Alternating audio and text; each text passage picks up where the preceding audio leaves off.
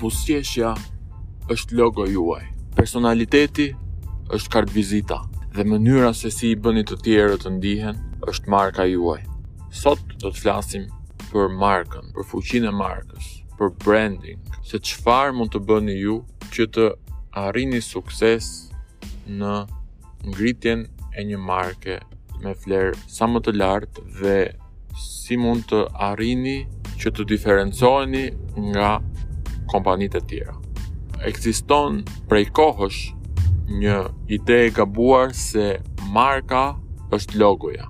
Por marka nuk është vetëm logoja. Marka është 1% logo. Prandaj do të flasim në vijim se çfarë është marka përveç logos, cilat janë elementet kryesore të ndërtimit të një marke të suksesshme dhe çfarë veprimesh duhet të merrni që sot në mënyrë që të rrisni vlerën e biznesit tuaj nëpërmjet krijimit të një marke të suksesshme. Hapi i parë drejt një strategjie për një markë të fuqishme, pra të branding, është përcaktimi i vlerave thelbësore. Cilat janë ato vlerat reale?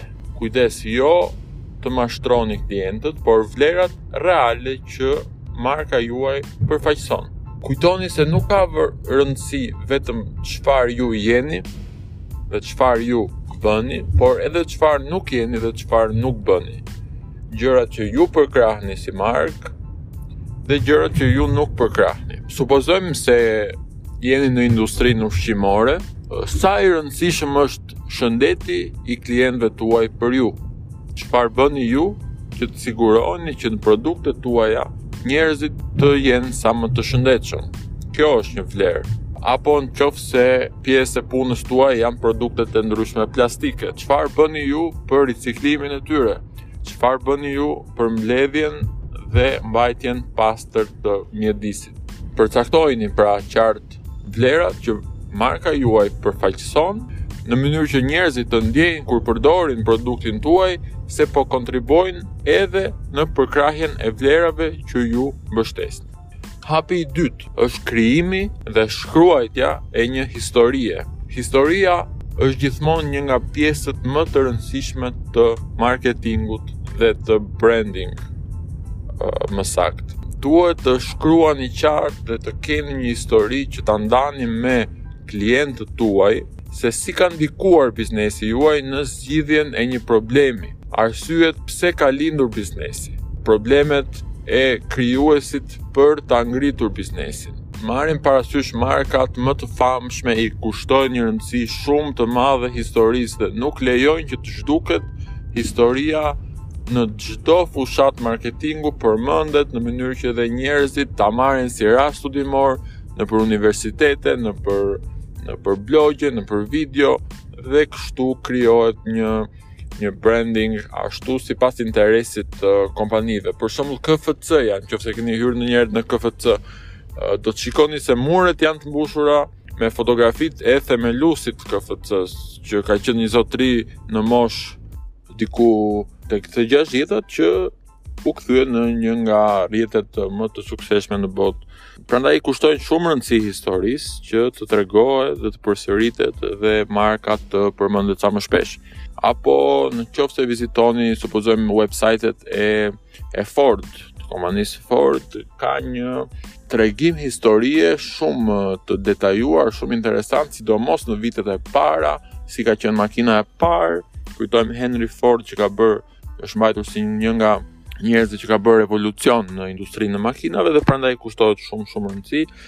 Prandaj edhe ju, edhe në qoftë se jeni një markë e re, mundoni menjëherë të zhvilloni një histori që ta bëjë markën tuaj interesante tek njerëzit, ta bëjë që njerëzit të flasin për të dhe të jetë diçka që jep ndjesi të mirë dhe që mbahet mend.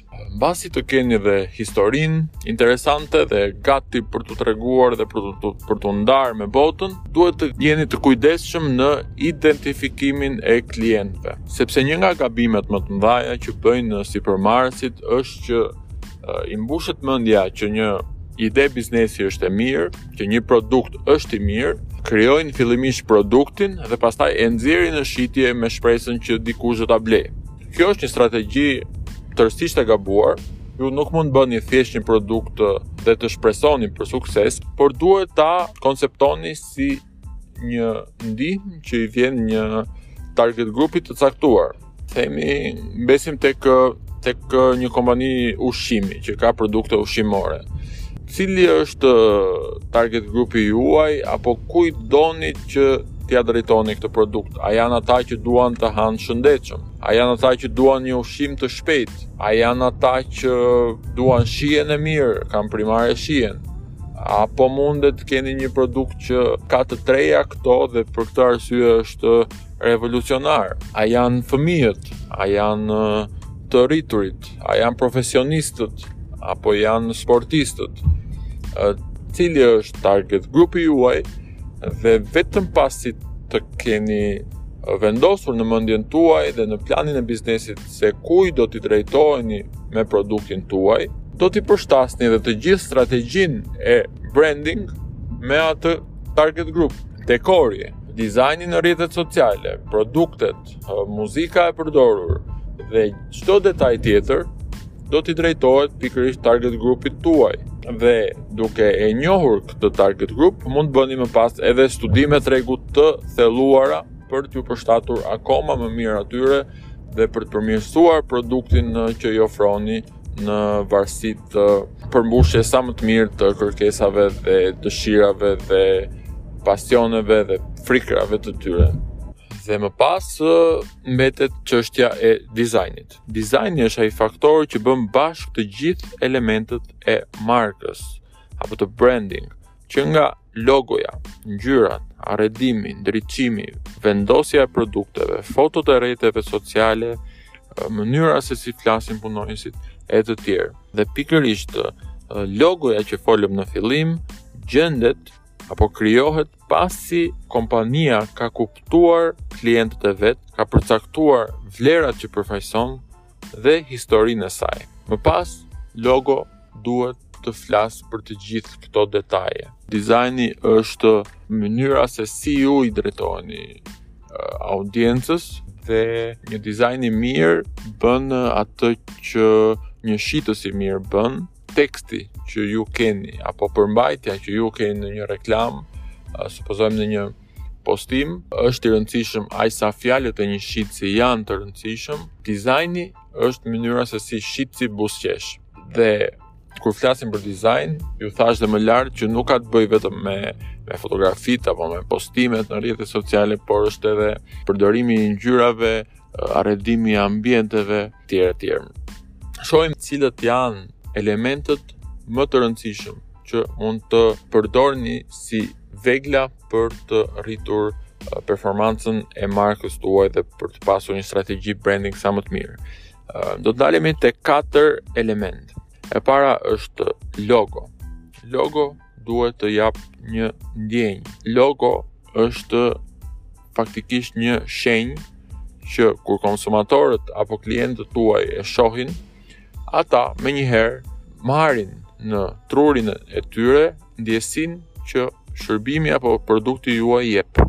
Sa po shohin logon, i rikrijohet brenda vetes ndjesia që marrin nga marka juaj. Edhe kur kthehet mbrapsht një logo, si për shembull McDonald's është një kompani që shpesh luan me logon e saj, e ka vendosur nëpër pikat e saj edhe mbrapsht që mëja e famshme harqet e verdha të m-së i kthen mbrapsht dhe del si si W përsëri të jep të njëjtën ndjesi. Njerëzit arrijnë ta dallojnë që është logo e McDonald's. Elementi i dytë është website. Çdo kompani duhet të ketë një website. Disa duhet ta kenë më të thjeshtë, disa duhet ta kenë më të detajuar dhe më të uh, komplikuar në thonjza. 90% e njerëzve kërkojnë online për çdo produkt dhe 50% e tyre shkojnë në websajtet e bizneseve. Prandaj websajtet nuk kanë dalë fare nga moda dhe nga përdorimi tani që kanë dalë rrjetet sociale, njerëzit mund mendojnë që ç'e dua websajtin kur kam faqe në Facebook apo Instagram, por Statistika tregojnë që përsëri website-i është një nga format më profesionale të prezantimit, që jep besueshmëri, që jep lehtësi në navigim, në gjetjen e produkteve dhe marrjen e informacionit. Është e vërtetë për shërbimet si restorante, hotele, qendra estetike, por edhe për këto dyqanet që shesin online, që mundohen të shesin vetëm nga Instagrami, një website e-commerce, është në fakt zgjidhja e duhur e shoqëruar bashkë me një website apo aplikacion kompatibël edhe për në smartphone. Pika e tretë janë katalogët e produkteve ose në rastin e restoranteve e themi menut. Kujtojmë uh, menutë e McDonald's, masat e ndryshme që i ofron konsumatorëve, kombinimet e ndryshme të produkteve, Është një shkencë më vete krijimi i menuve. Shpeshherë restorantet dështojnë vetëm sepse nuk kanë një menu të mirë në çmime, në kombinime, por edhe në mënyrën e emërtimit të produkteve.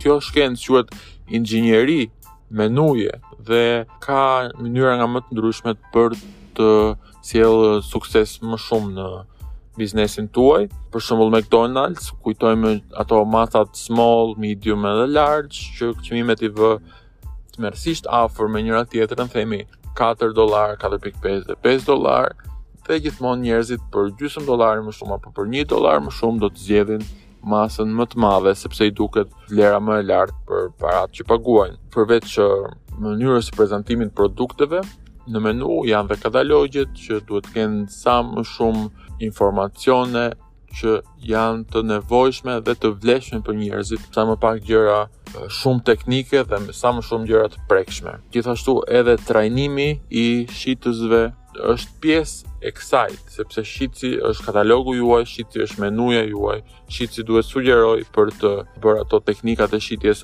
upselling apo cross-selling dhe duhet t'i trajnoni për të rritur shitjet. I fundit është elementi i arredimit, apo i eksperiencës. Arredimi, që thamë, ka të ka një rol jashtëzakonisht të rëndësishëm në vendet ku njerëzit shkojnë për të blerë një produkt apo shërbim qoftë supermarketi apo restorantet, baret, hotelet, gjithçka arredimi është primar në marrjen e ndjesive të njerëzve. Kur flasim për arredim, flasim si për mobilimin, por edhe për muzikën, edhe për ndriçimin, edhe për prezantimin e stafit, uniformat, forma duhet të përshtaten 100% me atë që marka juaj përfaqëson, ngjyra duhet të përshtaten mirë, që klientët të marrin vërtet një paketë të plotë të asaj që marka juaj ofron.